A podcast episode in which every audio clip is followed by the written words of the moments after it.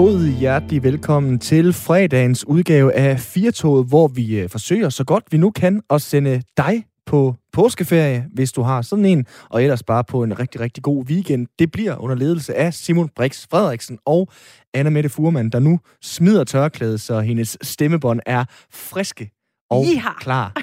Jiha. Det bliver Ej, så var godt, det her. lidt fladt sagt egentlig. Jeg er utrolig godt fredagshumør. Er du det? Ja, Jamen, det, Det, er må jeg så sige. strålende. Ja. Øh, og hvorfor jeg er det? Her, fordi jeg synes, øh, det er de her fuldstændig ligegyldige nyheder med International Days, altså hvilken dag Mhm. mm. det er i dag. Det er jo så åndssvagt. Men i dag er det Make Up Your Own Holiday Day. Okay. Hvis man nu ikke har fri, og vi kan jo ikke kan, sådan komme ægte på påskeferie, så kan man jo bare lege, man tager til Maldiverne. Men lige dem, man vil, Ja. og kan drikke sig øh, fuld i 10 dage, hvis man har lyst til det, eller drikke vand i 10 dage, hvis man har lyst til det, og Mhm. svømme og have det dejligt på en sandstrand. Det bliver strålende. Det Jeg, jeg er spændt på, hvad for, min side. jeg er spændt på, hvad for en ferie du rejser på. Det var jeg lige den, tænker jeg noget- beskrev. Jeg kunne godt forestille mig dig, du er så øh, på en eller anden måde øh, skizofren, at jeg tænker, Nå. at du godt kan sidde med sådan en Mai Tai i et glas og øh, badedragt, bikini, og så stadigvæk øh, skibriller og skistøvler, fordi du gerne vil have lidt af det hele. Du, det, det er sådan, du er sådan et overflødighedshorn, tænker jeg, i forhold til ferierne med det. Okay. Okay. Skistøvler og skibriller, og så på Maldiverne med en, Ja, øh, med en drink. Det bliver hvor øh, strålende. Det bliver en varm ferie, så.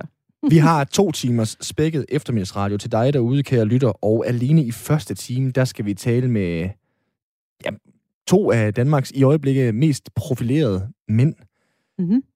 og mediepersoner generelt. Vi skal have Svend Brinkmann en tur i uh, interviewmøllen. Ja. Øh, Vi starter simpelthen dagen med at snakke om skæbnen. Ja, Altså, simpelthen. Så, Så er svinger vi os da- helt op på fredagsklingen. og Svend Brinkmann skal have sit interview nummer 179 i de sidste to dage, og vi får så lov til at være en eller anden form for rosin i den pølseende. Så skal vi også tale med Tøffe, plæneklipperen Stig Tøfting, som har taget et par fodformede sko på, og så tøffer han, tøhe, tøhe, ellers øh, en rigtig, rigtig god travetur, fordi han har tabt et vedemål. Ja. Han skulle forhåbentlig være kommet nogenlunde i mål med Ja, gåturen, altså, når vi ja, får for fat i ham. For i dag, ja. Så har han lige en, øh, en 20 km ja. i morgen, tror vi. Altså, man ved jo ikke, hvor hurtigt han får gået. Men øh, der har, har der både været øh, blodvabler og alle mulige ting, og han har jo sagt, at han hader at, at gå. Men det er, fordi Mhm. han tabte et vedmål, og så samler han ind til er Børnecancerfonden, blandt andet. Det er derfor, vi øh, skal høre ham. Så skal vi tale med Danmarks måske bedste skolelærer. I hvert fald har han lige fået en rigtig, rigtig stor pris, den her øh, skolelærer, vi skal tale med. Og det vil vi egentlig også gerne tale med jer lytter om. Hvem var din bedste lærer? Det øh, kommer vi til, men du kan jo allerede nu skrive ind med din bedste lærer på 1424 på sms'en, altså 1424. Start sms med at skrive R4, og så fortæl os om din bedste lærer. Så vender vi tilbage til det senere. Og så slutter vi af med, hvis nu man ikke kan make up your own holiday, som du har tænkt dig, Anna med det, så kan man jo også bare have en Easter holiday, og så læse noget Haruki Murakami, den her japanske forfatter, som i dag er aktuel med en ny dansk oversættelse. Ja. Vi runder lige det her anbefale, japanske fænomen, slutningen af timen. men man skal ikke drikke for mange påskebryg, inden man læser Murakami. Det vil jeg bare lige anbefale. Nej, det er selvfølgelig rigtigt. Det er Så- øh, den her magiske realisme, så når kattene begynder at snakke, så er det meningen, at de skal snakke i den bog. Det er ikke bare, fordi du har drukket de der 17 påskebryg, du tager en tirsdag. Ja. Prøv at høre, det øh, er jo øh, bare med at komme i sving, er det ikke det? Jo, men jeg skal lige høre, at, altså hvem, har du en lærer fra din folkeskoletid eller gymnasiet, der har, har gjort sådan en kæmpe forskel i dit liv? Eller måske bare en lille forskel. Ja, ja. Jeg var, jeg var sgu en rod, da jeg var... Øh, Var du en rod? Ja, virkelig rod. Havde Nå. en meget, meget sådan hård, kan jeg huske, også for min ældre forældresamtale for mange, mange år siden, omkring 4. klasse. Jeg gik og punkterede cykeldæk, og jeg var sendt uden for døren og Ah, så videre der, og fik en rigtig alvorssamtale. Men heldigvis havde jeg både en dansk og en matematiklærer. Også selvom matematik ikke var mit yndlingsfag. Øh, men som rent faktisk kunne se et eller andet i mig, selvom jeg øh, forstyrrede undervisningen og tænkte, han kan alligevel et eller andet, ham der, øh, Simon der, så nu tager vi også ham seriøst, hvis han gider at tage sig selv seriøst. Det var øh, livsomvæltende for mig tilbage Ja. i øh, 4. klasse. Aha. Det, det troede jeg ikke om dig. Nej. At du var lidt en rod. Det har du gemt godt. Det har jeg nemlig. Men det var jo også øh, tilbage i 4. klasse. Det Skal vi ikke bare Jo. rulle firetoget i gang? Det var måske skæbnen. Og vi starter dagen med at øh, tale om den her nye bog fra Svend Brinkmann. Titlen er Vi er det liv, vi lever. Og øh, ideen til den her bog opstod, da en kvinde ved navn Lili på øh, 90 flotte år henvendte sig til øh, Svend Brinkmann med et håndskrevet brev med et digt. Så indledte de en, øh, en brevkorrespondence, og siden så begyndte øh, Svend Brinkmann at besøge hende i hendes lejlighed og optage deres samtaler. Velkommen til programmet, Svend Brinkmann. Tusind tak. Er du det liv, du lever? Ja, det vil jeg gerne mene. Øh, jeg synes, det er kan man sige, det rigtigste, vi kan sige øh, rent psykologisk om, hvem vi egentlig er. Øh, det er jo et stort spørgsmål øh, i psykologien, øh, som jo er mit fag, hvad vi egentlig skal forstå mennesker som. Altså er vi en eller anden indre personlighed, øh, en indre psyke, et indre selv eller sådan noget, og det tror jeg ikke, vi er. Jeg tror, vi er noget i kraft af vores forbindelser til andre, i kraft af vores handlinger, og den korteste måde at sige det på, det er simpelthen, at vi er det liv, vi lever med, mm. med andre. Og det er jo også bogens... Øh titel, altså, hvordan skal man tolke den titel? Jamen, den er, det er jo et forsøg på at sige, at øh, der er noget, vi kan i livet, der er noget, der er op til os. Vi har nogle valg at træffe, men der er også rigtig meget, der ikke er op til os. Øh, og, og, og det er jo det, der ligger i livet, at vi jo selvfølgelig lever det, men øh, vi lever det på baggrund af det, jeg så kalder skæbnen, for at bruge det, det gamle begreb for det som handler om alt det, vi er, er, er født ind i, som vi ikke selv har valgt. Altså vores øh, familie, vores nationalitet, vores køn, vores øh, sprog, vi lærer, øh, vores personlighedstræk måske også, og vores gener osv. Altså hvis man begynder at liste op, hvor meget der er givet på forhånd i vores tilværelse, så er det altså utrolig meget. Og det er med til at forme os, det er med til at forme det liv, vi lever. Øh, og det tror jeg, vi trænger til at minde os selv og hinanden om i de her år, hvor vi får at vide, at du er din egen lykkes med, lykken er et valg, du kan, hvad du vil, alt er muligt, og alle den slags floskler. Det tror jeg ikke er rigtigt. Øh, og, og ved at sige, at vi er det liv, vi lever øh, sammen med andre, og på baggrund af, af også en skæbne, øh, så kan vi få korrigeret den der misforståelse, tror jeg. Det er en bog, der handler om øh, skæbnen, og den startede jo med, at du mødte Lili på 90 år, godt nok per brev. Altså, mm. hvad var det, der fangede dig ved hendes historie øh, sådan så meget, så du begyndte at skrive tilbage til hende? Fordi jeg gætter på, at der er mange, der, der skriver til dig jævnligt. Ja, jeg får mange øh, henvendelser, jeg får mange mails, øh, men jeg får ikke så mange håndskrevne breve, og det fik jeg fra Lili. Og, øh, og hun var jo så en 90-årig kvinde, det skrev hun allerede det første brev, og der var et digt med, og det handlede om øh, nogle oplevelser fra besættelsestiden, hvor øh, en, en, en ung pige bliver forelsket i en soldat. Og det viste sig jo så siden, at det faktisk var Lili selv. Og Lili er ikke hendes rigtige navn. Øh, hun er anonym, fordi hun stadigvæk i dag, altså nærmest 80 år senere, er bange for, at der er nogen, der vil komme efter hende, fordi hun øh, var det, man nu, eller også dengang kaldte tyskerpige. Altså hun var kæreste faktisk med to forskellige tyske soldater under krigen. Og det er selvfølgelig det drama i hendes livshistorie, der, der fængslede mig, fascinerede mig, øh, og som også spiller en stor rolle, men sammen med alle mulige andre ting i hendes øh, livshistorie. Og, og i det ligger jo også et, en form for skæbnebegreb. Altså nogle af de ting, der sker i den aller første del af vores liv, i den helt øh, sådan spæde ungdom, de kan sætte sig i vores livstråd, som jeg gerne vil kalde det, og, og have livslang betydning på en måde, så hun nu, som en ja, næsten 93-årig kvinde, er hun jo blevet nu, øh, stadigvæk øh, ja, skal forholde sig til det og, og leve med det, og, og også frygter konsekvenserne af, af de ting, der skete dengang. Men Svend, din øh, Lili, eller den her Lili, som altså optræder i din bog, som du har korresponderet med, er jo noget særligt, lyder hun til, når hun netop har haft de oplevelser, som hun øh, har haft. Skal hun ikke, altså forstå mig ret, også have lov til at være noget øh, særligt, eller hvordan er hun, i, eller hvordan er hun øh, hvordan skal jeg formulere det? Øh, hvordan er hun noget i kraft af andre, når hun har så særligt et liv, som hun har haft? Jo, altså på en måde har hun haft et særligt liv. Det er klart, øh, der var 50.000 af dem, vi kalder tyskerpiger, øh, så hun er jo bestemt ikke den eneste. Øh, mm. Øh, men jeg tror, hvis man ser hendes liv udefra, så ser det måske ikke sådan specielt exceptionelt ud. Øh, altså hun fik en uddannelse, hun arbejdede på kontor, hun havde en mand, Øh, og det er så også en del af hendes livsfortælling, at, at han blev syg og blev dement, og hun passede ham i, i 10 år. Så det er også en bog om, øh, om tab og sorg. Hun er nu selv i det, hun kalder undergangsalderen, øh, som, som øh, vi jo alle sammen håber at kunne nå til på en vis måde, fordi vi, vi vil gerne være så heldige, at, at vi kan blive lige så gamle. Men øh, man kan sige, hele vejen igennem har, er hun jo blevet formet og præget øh, af andre mennesker. Altså i udgangspunktet selvfølgelig øh, forældrene, og også den øh, skal man sige, seksualmoral, som herskede dengang. øh, også under krigen, der gjorde, at hun også blev, blev udskammet for nogle af de handlinger, hun gjorde. Øh, hun har så også været 33 år i psykoanalyse, som jo er sådan et intenst psykoterapeutisk forløb, for at kunne, øh, som hun selv vil formulere det, komme til at leve et liv med menneskelig værdighed.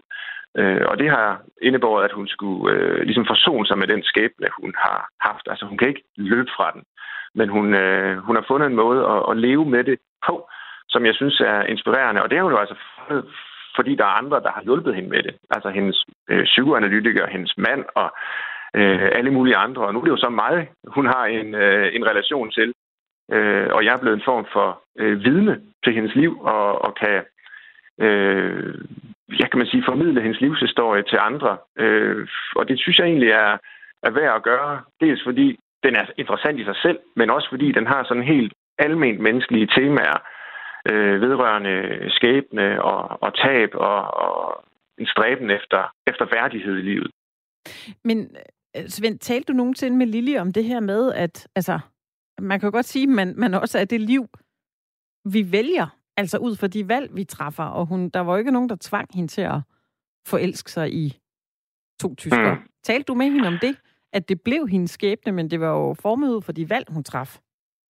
Ja, men vælger man at blive forelsket? Altså, en af bogens øh, pointer er, at vi har en tendens til at tale om alt muligt i vores liv, som om, at det er et resultat af et frit valg, af en eller anden beslutning, vi har truffet. Men hvis man kigger efter, så er det jo faktisk ret sjældent, vi foretager reelle valg. Øh, langt det meste af vores liv, øh, ja, god gamle Freud vil sige, foregår på baggrund af noget ubevidst. Øh, det forme, vores liv formes af, af, af forskellige kræfter, som vi ikke har øh, magt over. Altså lige nu så er det hele vores tilværelse ligesom præget af en, en virus, som øh, kommer fra måske en flagermus på et øh, marked i, i Wuhan, og som har lagt hele verden ned. Altså det er jo også en del af vores kollektive skæbne nu. Øh, og, og Lili synes selvfølgelig, at hun har truffet valg, og jeg synes selvfølgelig, at hun og alle mennesker kan træffe valg. Men øh, langt det meste af det, der sker, tror jeg virkelig er, øh, er noget, der ja, netop sker med os. Noget, vi ikke selv vælger. Og det mangler vi sprog for. Altså, vi har en masse sprog for valg og beslutninger og den slags, øh, hvor vi tror, vi er de her frie, stærke individer, der kan magte alting selv. Øh, og der mener jeg, at vi har brug for nærmest en, en ny mytologi. Altså vikingerne havde jo de gamle norner, der spændt livstråden og, og på en eller anden måde udmålte livet. Og i, øh, i det gamle Grækenland havde man tilsvarende møgerne, som spændt livstråden. Og det har man jo i næsten alle kulturer, den her forestilling om, at der er noget andet end mig, som er med til at forme mit liv.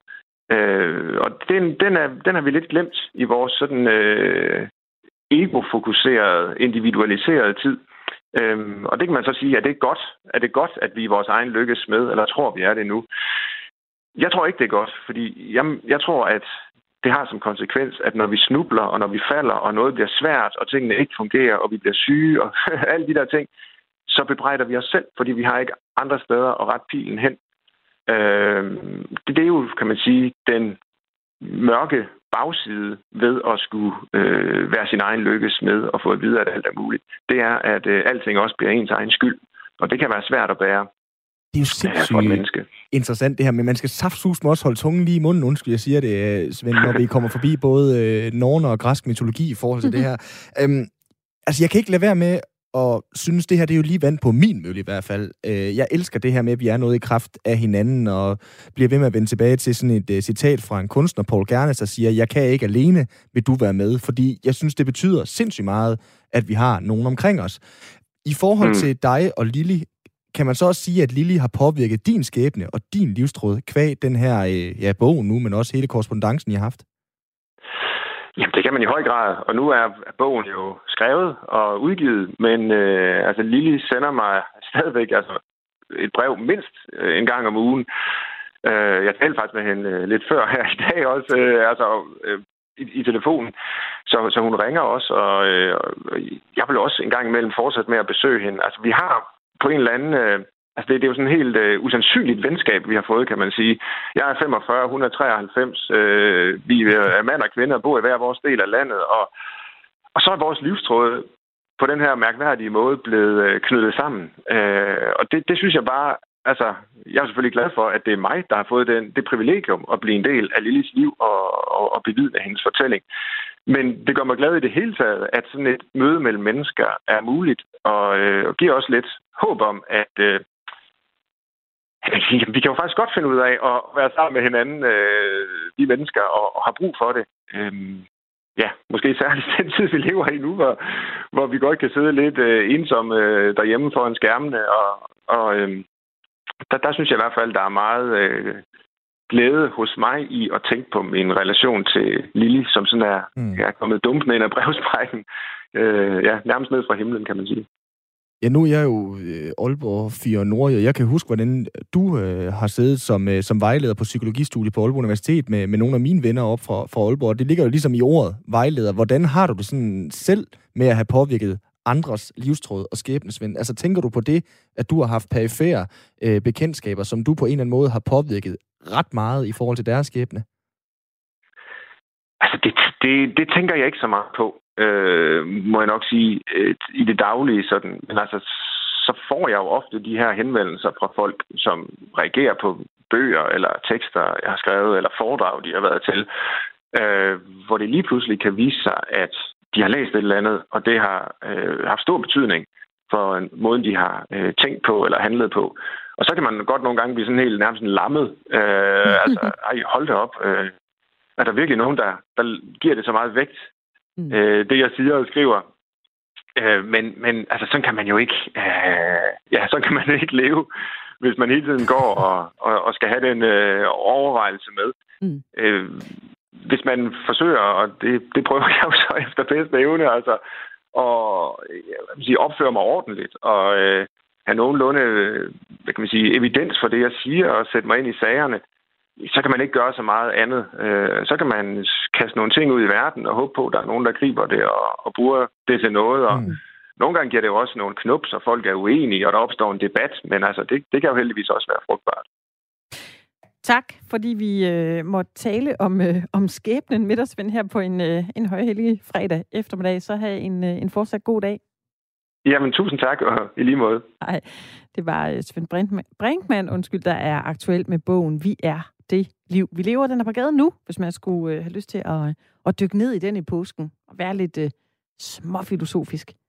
Jamen, det er meget ja. fint, det der med, at han siger, man, altså, eller han siger sådan implicit, at man kan jo ikke undslippe sin skæbne på en eller anden måde. Nej, og vi er noget i kraft af hinanden. Altså, ja. jeg er godt klar over, som han siger, Svend, han, øh, han vil jo nok ikke kunne være i øh, stueetagen i sit eget øh, hus, hvis han skulle gå og tænke over det hele tiden. Men, men det er jo stadigvæk interessant sådan at huske sig selv på, også i forhold til det næste snak, vi måske skal have med en skolelærer. Det der med, hvad vi kan påvirke ved andre mennesker, ja. uden at ens ego skal vokse øh, ud af stueetagen, men ja. øh, samtidig gøre sig selv bevidst om, her er faktisk noget, og nogen, jeg kan ramme med mange meget små ting måske. Jeg synes, det... det er så fint. Også at ham og Lille stadig skriver sammen. Mm. Det er dejligt. Fordi her nu, der skal vi til snakken om øh, den måske, eller med den måske bedste lærer i øh, landet, og vi skal snakke om, hvem der var din bedste lærer. Til lige at sætte stemningen med måske måder, man ikke lige skal gøre det på, så får du lige en bid med Sali Ole Testrup. Hvad fanden er det, du står og laver, Mortensen? Jeg varmer op. Varmer op? Det skal gennemføres, du. Se her, ligesom jeg gør her. Sådan, så bliver du alle tider store idrætsmand. det er altså en idrætslærer, der vil noget. ja. Vi kan også lige tage et stykke med øh, ham her. Rej dig kun, tykkelsen, du smækfede yndling. Luk kun dit vældige gab op, du valfisk og spyt dine ypperlige kundskaber ud. Ja, fra den ene yderlighed til den anden, de betyder noget særligt for os. Den her rigtige lærer, som lige måske pigede interessen for biologi, så du blev læge, eller for idræt, fordi du elsker at bruge kroppen, eller dem, der bare fik dig til at være en endnu bedre udgave af lige præcis øh, dig.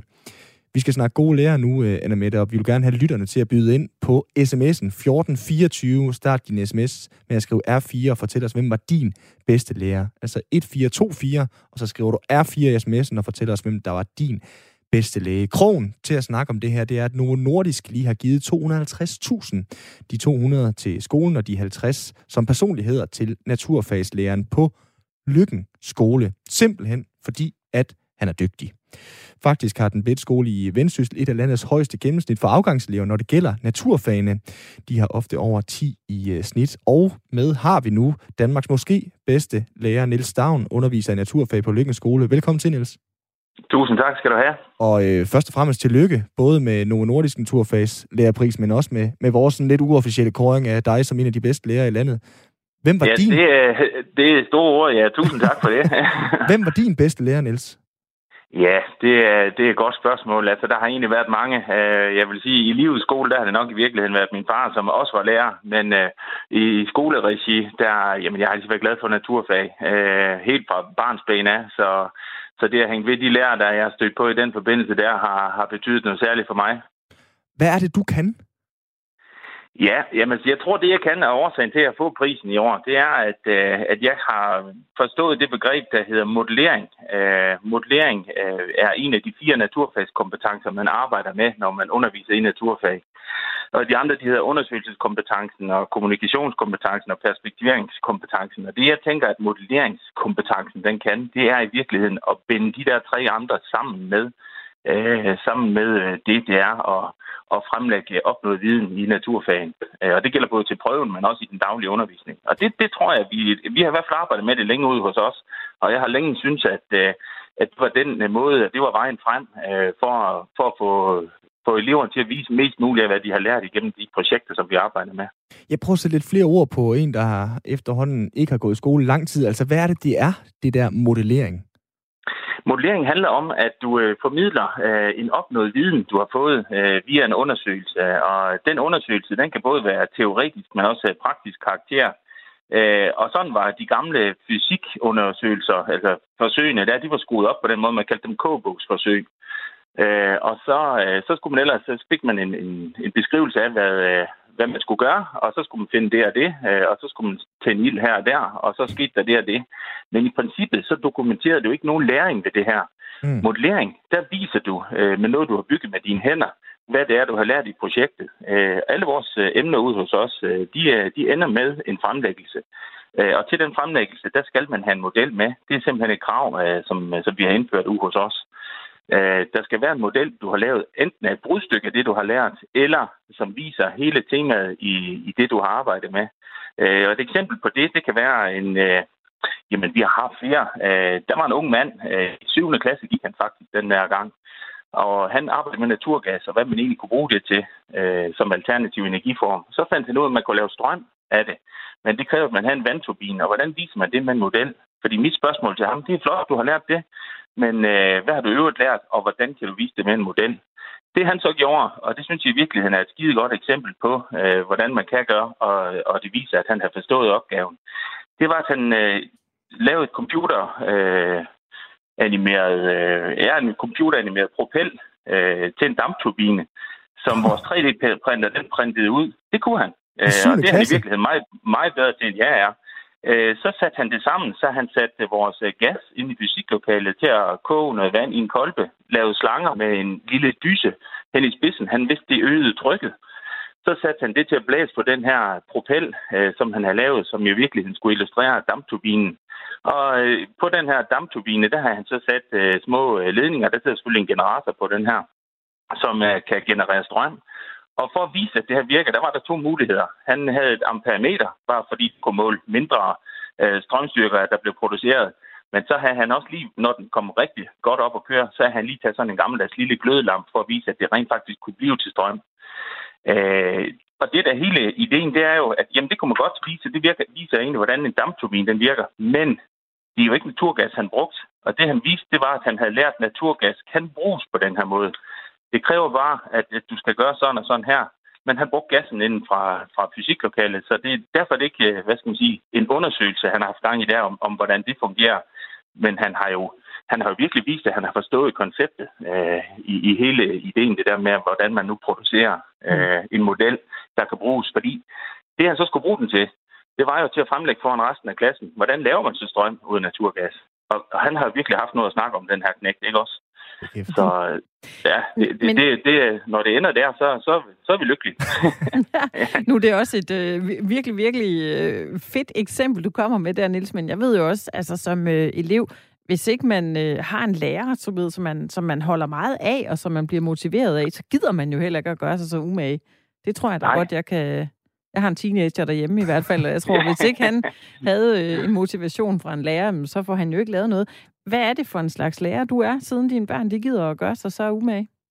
Jeg tror, at de vil sige, at jeg er den lærer, der gider at, øh, at lytte til dem. Øh, Jeg tror, de vil sige, at jeg er den, som stiller de spørgsmål, som får dem sat i gang i, i den retning, som, som gør, at det lykkes for dem. Øhm, og det kan være, at øh, altså jeg er i hvert fald til stede, når de kommer med deres idéer, øh, og jeg, er, jeg gør, hvad, hvad jeg kan for at, at, at forstå, hvad det er, de siger, når de gerne vil vise, øh, hvordan deres model fungerer. Og hvis nu det er sådan, at, øh, at det ikke kan lade sig gøre, så er jeg nok også den, som, som siger, at jamen det, det vil du få rigtig svært ved. Øh, Så hvad tænker du om det her i stedet for? Men det, de har sagt øh, til mig i den her forbindelse, det er også, at jamen, øh, de synes, jeg har en gevaldig masse forstand på, på, alle de her, på alle de her modeller, og hvordan man nu kan, kan bruge det, og, og alt inden for faget. Men det de, det, de er rigtig glade for, det er, at jeg støtter dem øh, under deres, altså i processen mod at lave, øh, Mm. lave fremlæggelsen klar. Ja, Jeg havde sågar faktisk en, øh, en knægt i går, øh, som øh, efter alt den her øh, virakker omkring øh, udnævnelsen, øh, så, så ville han invitere mig til, øh, til sit studentergilde, fordi jeg havde været den, der havde sat ham i gang og vist ham, hvordan de her fremlæggelser de egentlig kunne fungere, uden at man stod op og blev nervøs. At det er jo i virkeligheden et kæmpe skulderklap at få, ikke også? Hold da kæft, mand. Ja. Hvor høj blev Så- du efter det? Ja, men det synes jeg faktisk, at det kom noget bag på mig. Jeg har været målløs over de positive tilkendegivelser, der har været efter det her. Altså, jeg synes jo bare, at jeg går og passer mit arbejde, øh, og nu har jeg gjort det i over 25 år. Jeg elsker det virkelig stadigvæk. Øh, Jeg nyder det. Fordi vi har fantastiske elever, vi trives, og vi har en... øh, Altså, vi har i, i, i, naturfagsafdelingen hos os, der har vi en, vi har en fast måde, vi gør tingene på, at eleverne kan lide det, og de brænder for det. Og, og de kan mærke, at, at jeg kan lide det, og, og jeg kan mærke, at de kan lide det. Så det forstærker egentlig hinanden. Men jeg tror, at engagement betyder mere end, mere end så meget andet. Og så øh, selvfølgelig det der med at være i stand til at stille de rigtige spørgsmål på de rigtige tidspunkter. Ja, fordi jeg tænker jo ikke, øh, at det nødvendigvis er det, man vinder flest popularitetskonkurrencer på, og sige, at vi skal have meget fokus på fremlæggelser i den her modelleringskompetence. Så et eller andet må du jo også ramme i det, der gør, at eleverne også har lyst til at stille sig frem og rent faktisk være på. Det, det kan jeg godt fortælle dig lige præcis, hvorfor. Det er fordi, de lykkes med. De lykkes, øh, de lykkes, de har en succes. De er så stolte bagefter. Mm. Når de har haft den her fremlæggelse, og de har haft en model, der virkede, og de andre har sagt, nej og i og å, som de selvfølgelig ikke gør, men det kan man bare mærke. Mm. Det er så tydeligt, når det lykkes for, for dem, der står deroppe. Så, øh, så giver det lidt sig selv. Så, så arbejder man øh, måske den tand hårdere næste gang, man står i det. Man ved, det er det her, vi, det, her, vi, det har, har jeg prøvet før, det her, der vil jeg gerne ende igen. Og så bare lige her til sidst, Niels, altså det, det er jo naturfag, du er øh, lærer i, og det er, jo, det er jo sådan, at de der naturfag ikke nødvendigvis er så hulens populære, så det du øh, gør, kunne jeg forstå på dig, at du henter, så at sige, eleverne ned på mellemtrinnet, selvom du selv mest har udskoling. Hvordan hænger det sammen? Jamen, det er fordi, øh, vi er jo kun øh, 195 elever cirka på Lykken skole, og naturteknologi, som det hedder på mellemtrinnet, det har aldrig været særlig populært. Det har været sådan noget, man har givet til lærere, der har huller i skemaer og sådan noget. Undtagen mig. Jeg har skrabt det til mig, alt det, øh, jeg har kunne. Og siden jeg kom på Lykken skole for 9,5 år siden, øh, så har jeg faktisk øh, haft naturteknologi og opdaget, at hvis jeg laver en øh, struktur på, på arbejdsmetoden, på arbejdsformen, som, øh, som vinder indpas allerede dernede, så, øh, så er de faktisk klar til, når de kommer i udskoling, så kender de hele rumlen med, jamen det skal ende med en model, Mm. det skal ende med en fremlæggelse, og det skal, det skal ende med, med, med undersøgelser, og så skal du jo kunne snakke og perspektivere til den virkelighed, øh, du er en del af, og det gør de altså helt ned fra 4. klasse ude hos os. De er fantastiske. Jeg kan kun give rosen videre, det her. Det er simpelthen en fornøjelse øh, at være med det. Så er der både ros til eleverne i radioen, og også øh, ros til dig. Niels, tak fordi du var med her. Tusind tak for det, og velkommen. Ja, ha' det godt, du. Tak lige mod jer. Hej. Hej. Altså Niels Stavn underviser i naturfag på øh, Lykken skole, hvor øh, han jo blandt andet har øh, sørget for, at øh, gennemsnittet for afgangseleverne, når det gælder naturfagene, ofte er over 10 i snit. Men ja, det er også fordi, når han forklarer det, kan du høre det? Ja, Ja, altså, ja, selvom ja. man ikke er interesseret i det, så, så bliver man jo lige pludselig interesseret i Det var ikke naturfag. min fag. Nej, nej, men, men, men man får jo lyst til at gøre sig umage, og så den lige give den en, øh, en ekstra Mhm. skalle. Mm. Øh, og det, altså, det er guld værd. Jeg synes jo, det er fantastisk, at, at, øh, at sådan en som Niels, han ville, Jamen, han vil gøre det, selvom han ikke fik penge for det, Ja, tror det jeg. det. Jamen, Altså, det er- han vil møde op alligevel, fordi Ej, han ja. elsker det så meget. Vi har øh, fået et par sms'er fra øh, nogle af vores lyttere i forhold til, hvad for en lærer har gjort en forskel i øh, dit liv. Vi har fået en fra Claus. Han skriver, at det var ikke en lærer i folkeskolen eller gymnasiet, der gjorde en forskel for mig. Til gengæld øh, var det en på fysioterapeutstudiet. Øh, der var flere undervisere, der virkelig gjorde en forskel. I særdeleshed en, der hedder Birgitte Våge, har spillet en øh, særlig rolle i at forme mig og udvide mine horisonter som fysioterapeut. Og så har vi også fået en fra E. Nielsen, som fra 1966 til 70 gik i en øh, kommuneskole på Sjælland. Og hans bedste lærer, bedste lærer var øh, blandt andet en, der hed Olsen. Det er jo også klasse at er bare være på efternavn øh, med den. Øh, og så roser han i øvrigt også for et godt program. Tak for øh, de sms'er, og øh, i øvrigt også mange flere. Vi tøffer videre. Anna Mette, det er fredag. Vi er Det på er vej rigtigt. på ferie. Så Ja. jeg har lige en øh, fredagsslik-snak. Åh, mere Ja, ja, slik. Vi har nemlig. godt nok snakket meget om, øh, om slik den her uge. Det er fordi, der er kommet nye kostråd. Nej, Surprise, surprise. Du skal spise mindre af det søde, det salte og det fede. det, det, jeg bliver helt træt. Jamen, jeg det- det er bliver det er jo- simpelthen her, ikke nu. Vi har prøvet, vi har været i en pandemi i et helt år. Altså, Prøv nu at høre her. Prøv nu at høre her. ja, Ikke? jo, jo. Jeg ved godt, at det er træls. Mm. Men her i slutningen, der får du en øh, form for øh, belønning, fordi jeg har nemlig sammensat en fredagssliks-menu til dig. Den kommer vi til. Det er fordi, der er nye øh, kostråd, som sagt. Der øh, er lavet nogle undersøgelser, som også bakker de her nye kostråd op, som fortæller, at vi får fire gange for møg slik. Hmm, Så Fire break, gange for meget. Ja, breaking, breaking. Der er lidt dårlig samvittighed til jer, kære lyttere, fordi forskerne de har beregnet, at cirka 20% af gennemsnitsdanskernes energiindtag, det består af tomme kalorier. Slik, chokolade, chips, kage, sodavand, øl og vin. Tomme kalorier, de tager så plads fra den nærende mad og bør kun udgøre cirka 5% af vores energiindtag. Og jeg kan jo selv fortælle, at den fodboldtræning, jeg var til i går, den var dejlig, hård, og jeg svedte og kom hjem og tænkte, nu orker jeg ikke til at lave en ordentlig rugbrød eller et eller andet. Klokken var øh, 9, så hvad gjorde jeg? Åbnet pus-chips. Ja, den, den var så åben. Øh, Men jeg spiste også lige en Magnum Mandel, fordi den havde jeg lige fundet på tilbud nede i, en, Ah. i Netto. Ja, Så det ja. var helt suverænt. Ja. Danskerne, de køber i snit 6,6 kilo slik. 5,7 kilo chokolade om året. Ligger du nogenlunde på det? 6,6 kilo slik. Det gør jeg faktisk Det er ikke. fucking meget. Jeg, det er fordi, jeg vil hellere have noget godt mad, Okay. egentlig, end øh, en snoller. Det er en global førsteplads. Altså, vi er verdensmestre i at købe slik. Ja, ja. Men altså, så fortæl mig lige igen. Altså, hvad er, fordi man skal lige have det... Nu siger du 6 kilo. Jeg kan ikke forestille Mm. mig, hvor meget fylder det. Hvad er det? Jeg aner det ikke. Nå, men du ved, altså, hvad, hvad kan man få øh, per dag så? Per uge. Per uge? Ja. Hvad må jeg få per uge?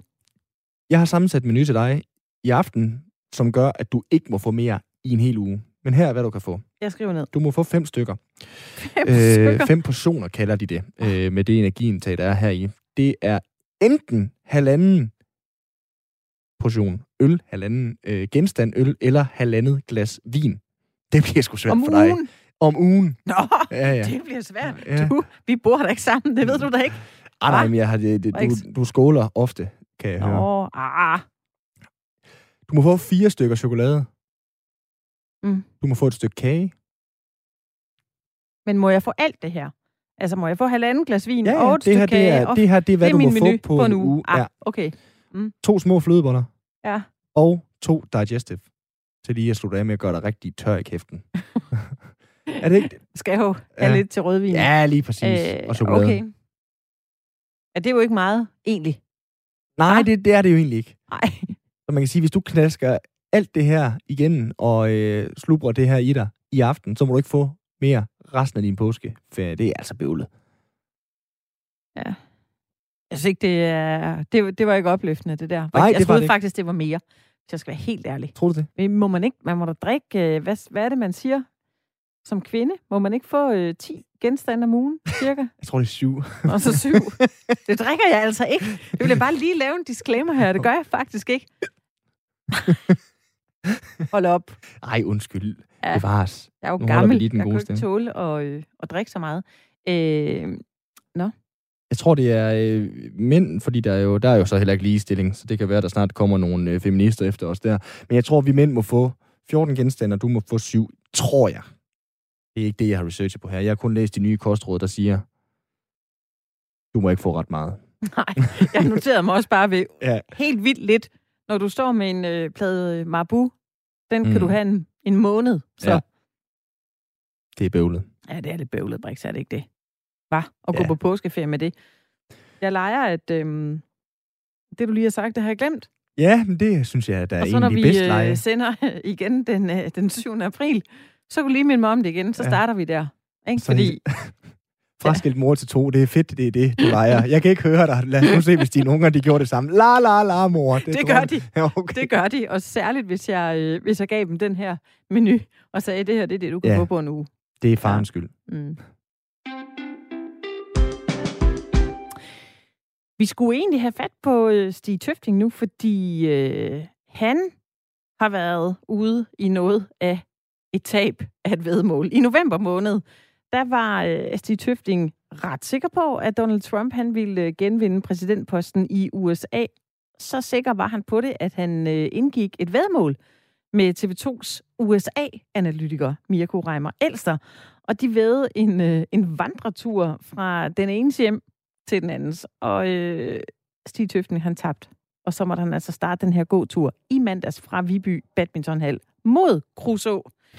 Og øh, undervejs, der har man så øh, kunnet donere, donere penge til den her tur, og de her indsamlede midler, de går ubeskåret til øh, KidsAid og Børnecancerfonden. Hej med dig, Stig. Hej med jer. Hvor vild er du med at gå her på, øh, på dag 4? Jeg er meget, meget lidt vild med at gå, skal jeg lige hilse jer sige. Er jeg synes, jeg, synes, jeg, synes, jeg synes, det at gå, det er noget forfærdeligt pis. Er du ikke kommet i det her dejlige zen-mode, man siger, hvis man vandrer meget? Ja, det ved jeg ikke. Det, jeg, jeg, så hvis jeg har været i det, så er jeg ude af det igen. det, er jo, øh, det er jo dag 5 på din, din tur. Altså, hvordan har formen det? Og dine fødder? Jamen, form, og din... ja, jamen, form, ja, det er det, men formen er jo faktisk rigtig fin. Jeg har jo sådan en pulstur på, hvor folk kan følge mig på, på Garmin Connect og sådan noget der. Og min puls er ikke over 120, når jeg går. Jeg synes, det er fantastisk natur. Øh, Jeg har også sådan delvis haft vejret med mig. Jeg har godt nok haft øh, modvind øh, lige siden Aarhus. Så det er jo, det er, men, men, men, men jeg har ikke regnet, og alt er godt, og jeg synes, det er en lækker natur. Men vi har ikke nogen problemer med musklerne, og som sagt heller ikke med luften, men jeg har æder med med problemer med mine fødder, for jeg har Altså, jeg har ikke have mine fødder nede i mine sko, så jeg har jo klippet begge mine sko i stykker, så lille tåen kan stikke ud i begge sider. Øh, og de sidste 6 km der måtte jeg gå med en øh, Birkenstock-sandal på højre fod, fordi at nu begyndte min, øh, øh, min jeg ved ikke, hvad kalder man den, den, den læng, lange tåen, eller hvad man kalder Ja, den. ja. Er det Øh, fordi, ja, du det- har, øh, at dine fødder bare hæver helt vildt, eller har du bare Jamen, nogle helt jamen, særlige jamen, fødder? Ja, ja, jamen, jeg har, for det første har jeg nogle mærkelige fødder efter at have spillet fodbold i 100 år. Så. og så det næste, det er, at, at jeg har vabler. Jeg har en, en 3-4 vabler på begge fødder, og, og de, de samler lidt væske løbende, og så det er ikke særlig hyggeligt at gå på. Men ved du hvad, der er ikke noget at gøre ved det. Vi må bare frem over isen. Nu, er jeg, fa- nu har jeg en etape tilbage, og yes. den Yes. skal jeg også nok klare. Ja. Stig, øh, pengene, eller hvad kan man sige, de indsamlede midler, de går så ubeskåret til, som vi sagde, KidsAid og Børnecancerfonden, og det tænker jeg, det kan jo nok hjælpe lidt på, øh, på motivationen, selvom du synes, det er pisse træls for nu at bruge dine egne øh, ord om det Ja. her. Altså, fra din fodboldkarriere tænker jeg jo, at du har øh, nemmere ved at, at spille de der kampe der, hvis man har vundet tre træk inden. Hvordan er det at holde motivationen sådan, øh, op, når nu man går og synes, det er træls, men samtidig hjælper nogen, der har brug for det? Jamen altså, min motivation, det, det- altså, jeg, jeg gør jo det, som man også gjorde, når man havde det lidt hårdt øh, under, øh, da jeg spillede, når man, man skulle på nogle af de der stroppeture der, så, så er det bare at tage hatten ned i øjnene, og, og så bare kigge ned i jorden, og så gå frem af et ben foran det andet, og så bare afsted. og så øh, pr- prøve at lade være med at tænke på så meget, og så bare komme frem over isen. Og så det næste, det er jo selvfølgelig, at det her, det er til et rigtig godt formål, ikke? Og vi har, inden jeg gik i seng i går aftes, der rundede vi altså en halv million, så vi er... Ej, det er med med sejt. Ja, så det, det er virkelig godt, og jeg, og jeg, jeg tror næsten, at jeg kan sige, at, jeg, at vi, kommer, vi kommer tæt på vi kommer tæt på 600.000, inden jeg går i seng i aften, så det, Ja. er, det er helt fantastisk. Ej, det er da helt vildt. Altså, ja. og du er blevet glædeligt overrasket undervejs. Kan du ikke lige, øh, siden du forlod øh, Viby Badmintonhal i mandags, øh, hvad har været nogle af højdepunkterne så? Udover Jamen, pengene, først og fremmest vil jeg sige, at alle man møder, der, der har været så mange, der dytte holdt ind til siden med, med vand og chokolade og kiks og småkager og alt, hvad ved jeg. Og så kommer der jo også dem her, hvor man, hvor man altså honningkagehuset i Christiansfeldt, jamen de spurgte, om jeg lige kunne kigge indenfor. øh, til en honningkage og en kop kaffe, og så stod de lige med en check på 5.000. Der kom en forbi der med en check på 5.000, og i forgårs, ja, der kom Tom Christensen. Der kom man lige forbi med en check på 120.000. Nej, nej, nej. Altså, så, så øh, altså, det, er jo, det er jo helt fantastisk, kan man sige. Men der er rigtig mange, der også bidrager bare med en lille ting, og kommer lige ud og, og dytter og råber ind og ud af vinduet og spørger, om man mangler et eller andet. Så jeg vil sige, det er rigtig svært at tabe sig på sådan en tur her. bare, alene, bare alene i dag har jeg fået nogle, sådan nogle snitter så hernede fra området af, og nogle, nogle trøfler og flødeboller og øh, chokoladebar og cola og Jamen, you name it. Så, så det, er- man, man skal virkelig være standhaftig for at så sige, nu kan jeg ikke mere. Jeg har godt nok godt fået det æble og en pære, men det har jeg altså ikke fået spist. er, er vi næsten der, Stig, hvor du fortryder, at du ikke startede i Skagen? Nej, men jeg kan ikke mere. Ja, altså, i morgen, er- morgen er fin. Jeg, jeg skal nok blive igennem det her, men jeg tør ikke at tænke på, hvis jeg skulle være startet i skab. Hold kæft, men jeg skal passe på, hvad jeg ved om for nu. af. Det er Jeg var klog af skade, er du egentlig blevet af det her? Ja, men det var da, jeg bliver, altså du ved, det er jo lige nu her, der siger, at jeg skal aldrig ved igen om sådan noget der, men hvad der hvad, Mm. lurer mig på et eller andet tidspunkt, så kvarer jeg mig igen, og så, men, men jeg ved, jeg- altså når jeg ved om rødvin, jeg ved stort set alt, når jeg ved om rødvin, men lige snart jeg skal ved om noget med at gå, så ved jeg ikke, hvad der sker. Så, Så taber du bare. ja, der har jeg ikke tur i den. Men Stig, med al respekt for dig og din ekspertise i, øh, på fodboldfronten jo især, altså hvorfor fan ved du også med en USA-analytiker om Fordi de er der præsidentposten i USA? fejl. Okay. Jamen, de tog der fejl for fire år siden, tog de fejl. Og ved du hvad? Om morgenen, de stod alle sammen med de største hængeøjne der om morgenen efter præsidentvalget over i USA. De stod alle sammen og sagde, ej, det er forbi, det er for sent. Og Mirko og Steinmesser, jeg ved ikke hvad, de er jo alle sammen, åh, Trump han har vundet, og hvad ved jeg. Og så kom det der tricks der med de der, øh, de der valgstemmer, ikke? Og så fik pipen lige pludselig en anden lyd, så det var så tæt på. Altså, de, stod, de sagde jo, at han fik ingen stemmer, og alligevel så fik han jo 75 millioner stemmer, eller noget, det var ikke, så de var mega tæt på at, at stå med en, en rigtig skidt sag for dem, fordi de er jo eksperter på området. Og hvis de kunne tage fejl for anden gang i træk, altså det vil sige otte år, man kan sende fra USA og så tage fejl i otte år, så er jeg nødt til at sige, så skulle de finde et andet job. Og det slap de så for den her gang. Det er det samme med vejrudsigterne. Stig, hvad skal du om... Øh... Ja, det er Tanne, det er Tanne frem, kan vi godt være efter, og, og, Jens Ringgaard. De to, dem skal jeg også efter på et tidspunkt. Jeg tager et vedmål med dem. Hvad skal du om, ja. øh, om tre år, Stig? For jeg tænker, vi kunne godt bruge sådan en USA-analytiker her på Ja, Firtoget. det kunne vi godt. ja, nej, nej, prøv, jeg planlægger altså ikke så langt ud i fremtiden, det kan jeg simpelthen ikke, fordi man aner ikke, hvad der sker næste mandag, så vi tager, vi tager, vi tager en uge gangen. Øh, Stig, lige inden vi, øh, vi slipper dig, så du kan få stingerne smidt op, hvis ikke du allerede ligger der. Hvad- Hvordan kommer dit sidste stræk til at, at forløbe i morgen? Hvor mange kilometer skal du gå, sådan cirka? Altså, det, er fire, det er 24 km direkte vej her fra øh, Hotel Europa i øh, Åben og så ned mm. til Kruså grænseovergangen. Og vi er, Mirko er ankommet, jeg har lige hilst på ham. Mirko er her på hotellet, Mirko og jeg og, og min kæreste, vi går i morgen tidlig klokken 9 stik øh, mod, øh, mod grænsen, og der har vi så selskab af direktøren fra øh, øh, Børnecancerfonden og, og fra Kids AIDS. Mm. Øh, og de går med os, og så ved jeg, at der er øh, lidt forskellige presse, der har tænkt sig at, at dække det. Øh, jeg har ikke nogen børn med. Jeg plejer at have en barn med, enten når jeg starter eller når jeg slutter. Nogen, som har været, øh, hvad kan man sige, enten øh, ramt af, af, noget kræft eller anden alvorlig sygdom, og stadigvæk lider lidt under det. Så jeg har haft nogen med på min dur.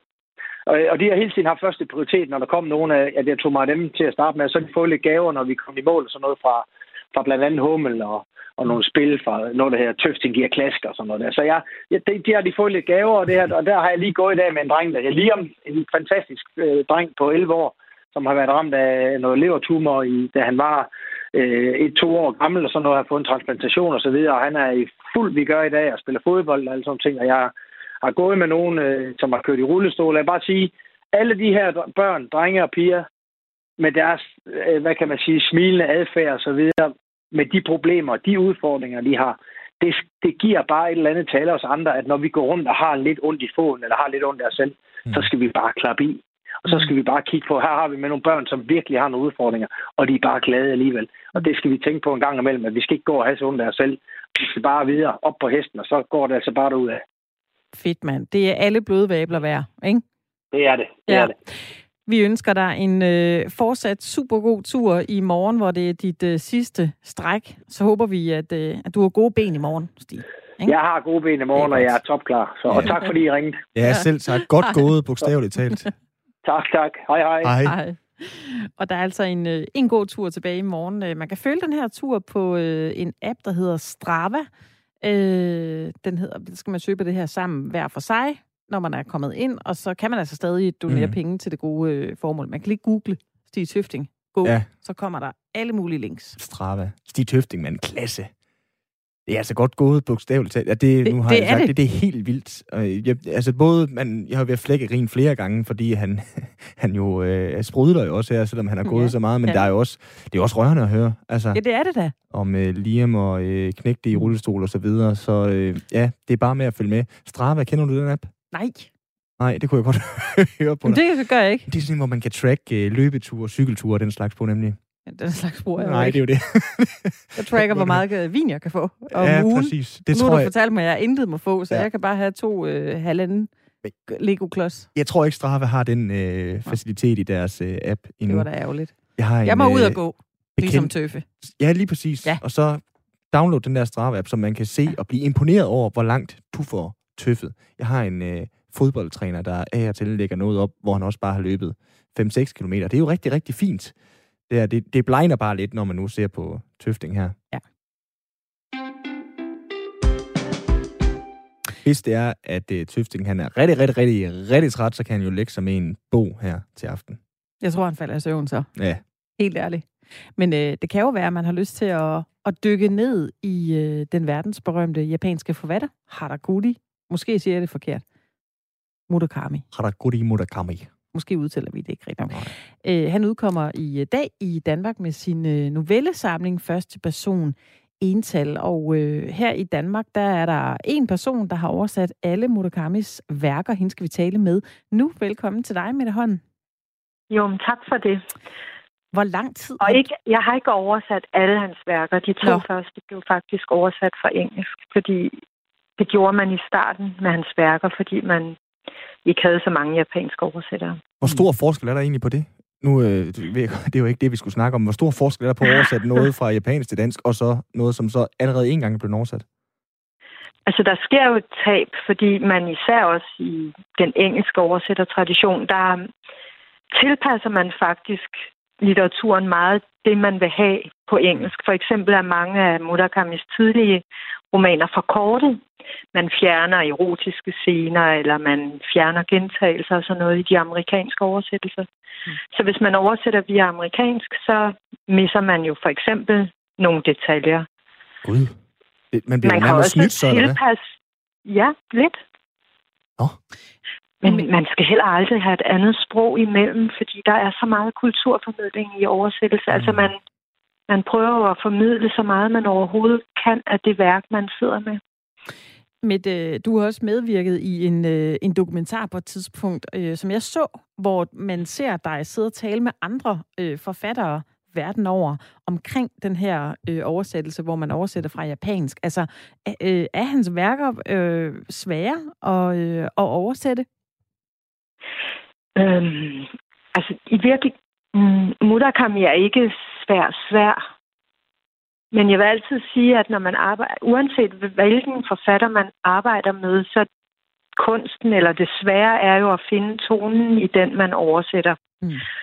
Og Murakami skriver meget melodiøst eller meget rytmisk, meget inspireret af jazz og sådan improviserende.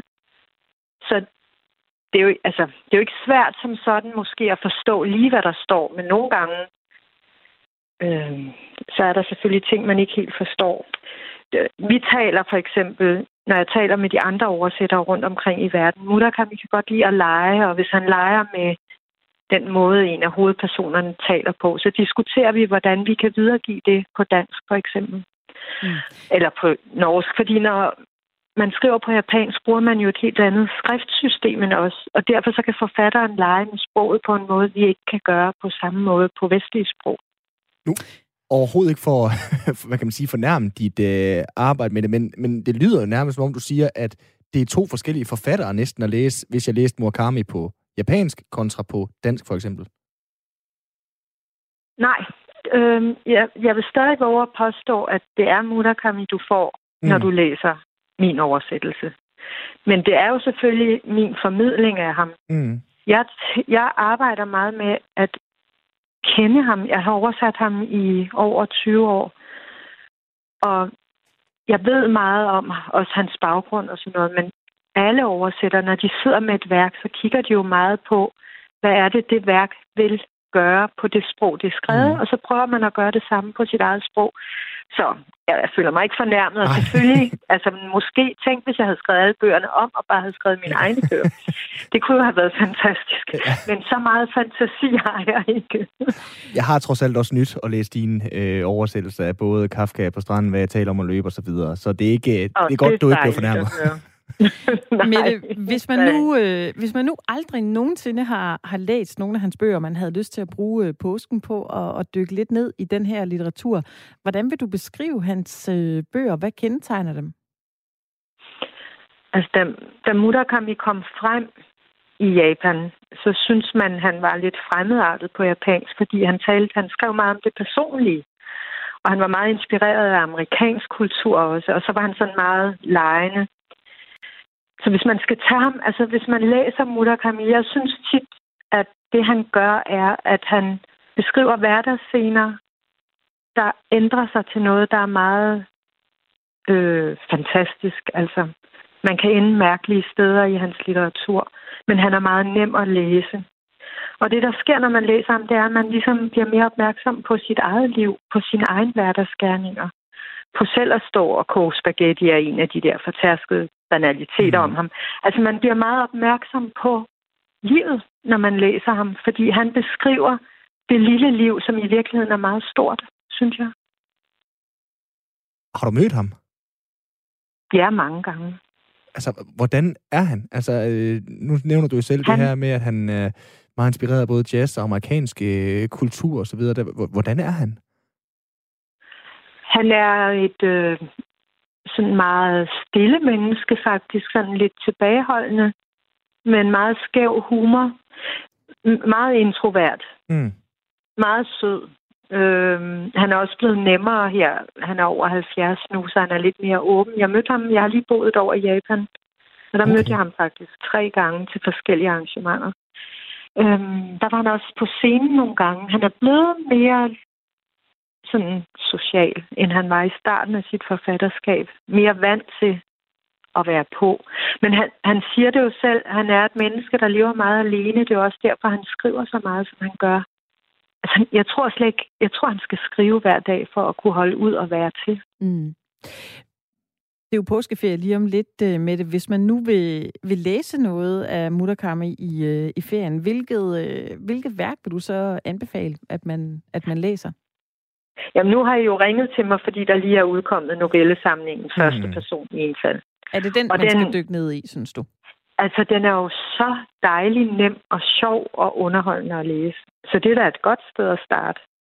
Det synes jeg. Altså, den har fået to anmeldelser i dag, hvor den bliver ros til skyerne. Det er Murakami, han er bedst, og det fås ikke bedre. Og det er meget forskelligartede historier det er også i en ferie, så kan man lige sætte sig, hvis man har en times tid med en kop te eller kaffe, og så læse en lille novelle, og så kan man fortsætte med familien bagefter. Det synes jeg, den vil være perfekt til. Hvorfor er det, han er så dygtig? Hvorfor er det, han er så god? Jeg synes, han har ret meget menneskeindsigt på en eller anden måde. Altså, han har meget stor empati med mm. mennesker. Så han, jeg synes, han rammer noget dybt. Altså, det er ligesom, jeg hørte engang en stor amerikansk forfatter holde foredrag om Murakami, og han sagde, at det er ligesom om Murakami på en eller anden måde har opdaget, hvad pandelappen er, før man havde opdaget den. Altså før forskerne havde oplevet den. Altså det er ligesom, han ved, hvad folk føler og tænker. Altså han mm. har, ligesom han går rundt i vores hjerne, han rammer nogle spor hos alle læsere, men det er meget forskelligt, hvad de forskellige læsere kan lide. Så derfor er en novellesamling jo også god, fordi novellerne er meget forskellige, så vil der jo forhåbentlig være i hvert fald nogle stykker af novellerne, som alle vil kunne mm. lide, selvom det vil være forskellige. Faktisk anmelderen i dag, Tony Vaughn, han siger, at den novelle, han mindst kan lide, er den, der hedder Karneval. Mm. Fordi den, den beskriver, den, den handler lidt om en meget grim kvinde, og han kan ikke lide den der beskrivelse af kvinden. Men jeg elsker den novelle, fordi jeg synes, den er så fantastisk. Den handler om klassisk musik, Schumanns stykke Karneval, og så den her grimme kvinde, han, hovedpersonen, som lyder som Murakami, møder til en koncert, og hvordan de udforsker et stykke musik, og samtidig fortalt om andre ting end musikken også. Altså Murakami bruger tit musikken til at beskrive følelser eller ting med. Ej, ja. nu afbryder jeg dig godt nok lige, med det Holm. Det er fordi, vi skal til at have nyheder på, men jeg skal hjem og læse Murakami i min påskeferie. Tusind tak, fordi du var med her. Jamen, det var så lidt, og rigtig god påske. Ja tak, i lige måde. Det var altså uh, Mette Holm, oversætter af mange af Murakamis uh, bøger og noveller. Aktuelt nu her med første person ental. Nu er klokken 16.